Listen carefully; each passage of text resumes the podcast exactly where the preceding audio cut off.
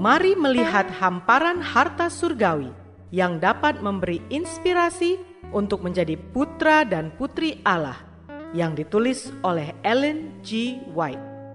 Melalui renungan pagi ini, kita akan mempelajari nasihat yang menguatkan dan memberi semangat untuk memperbaiki karakter kita. Bersama Mana Multimedia Ministry, selamat mendengarkan.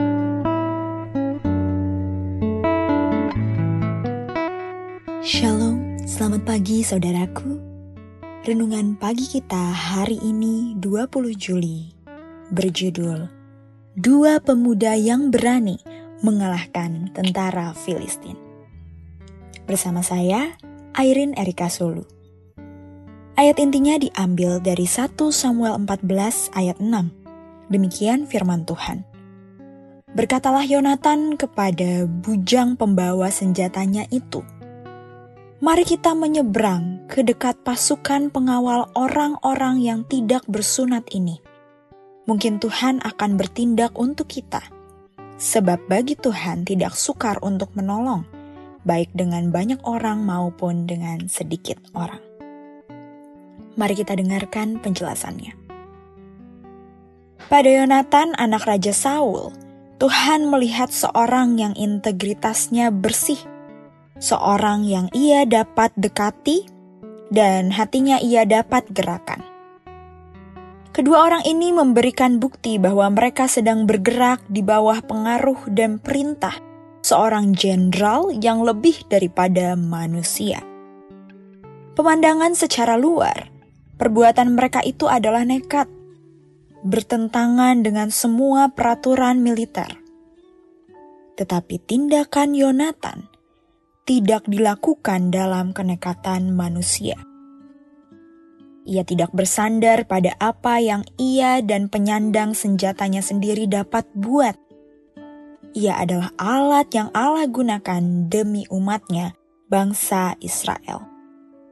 Mereka membuat rencana dan meletakkan perkara mereka di dalam tangan Allah. Kalau tentara Filistin itu menantang mereka, maka mereka pun akan maju. Kalau mereka mengatakan, "Mari," maka mereka pun akan maju. Yonatan dan pemikul senjatanya telah meminta suatu tanda dari Tuhan, dan tantangan itu telah datang. Tanda itu sudah diberikan. Kedua orang ini menaruh harapan mereka pada Allah dan maju. Tidak mudah perjalanan bagi kedua penjelajah yang berani itu mereka harus mendaki dengan amat sukar supaya mereka sampai ke atas. Akan hal yang mudah bagi tentara Filistin untuk membunuh kedua orang yang gagah berani itu, tetapi tidak masuk ke dalam pikiran mereka bahwa kedua orang itu telah datang dengan maksud yang bermusuhan. Orang-orang yang heran di atas memandang terus terlalu heran untuk menerka kemungkinan maksud dan tujuannya. Mereka memandang orang-orang ini sebagai orang-orang pelarian dan membolehkan mereka datang tanpa gangguan.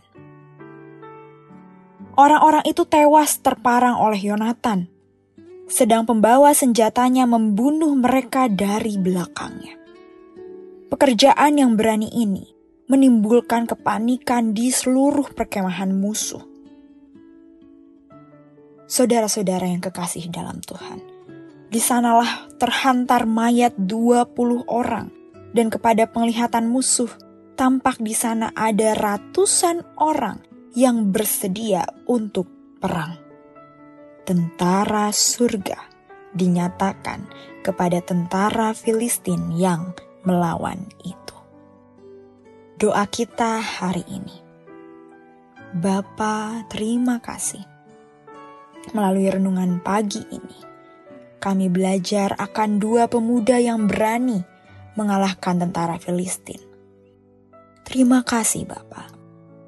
Melalui renungan pagi ini, kami diingatkan untuk menaruh harapan kami hanya kepadamu ya Tuhan. Tolong kami hari ini Bapak, agar kuasa surgamu yang nyata dalam hidup kami, bukan kami sebagai manusia.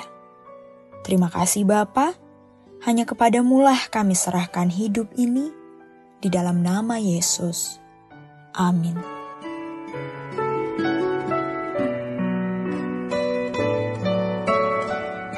Demikianlah tadi pembahasan tentang menjadi putra dan putri Allah. Semoga firman Tuhan hari ini menjadi berkat bagi Anda. Sampai jumpa, Tuhan memberkati.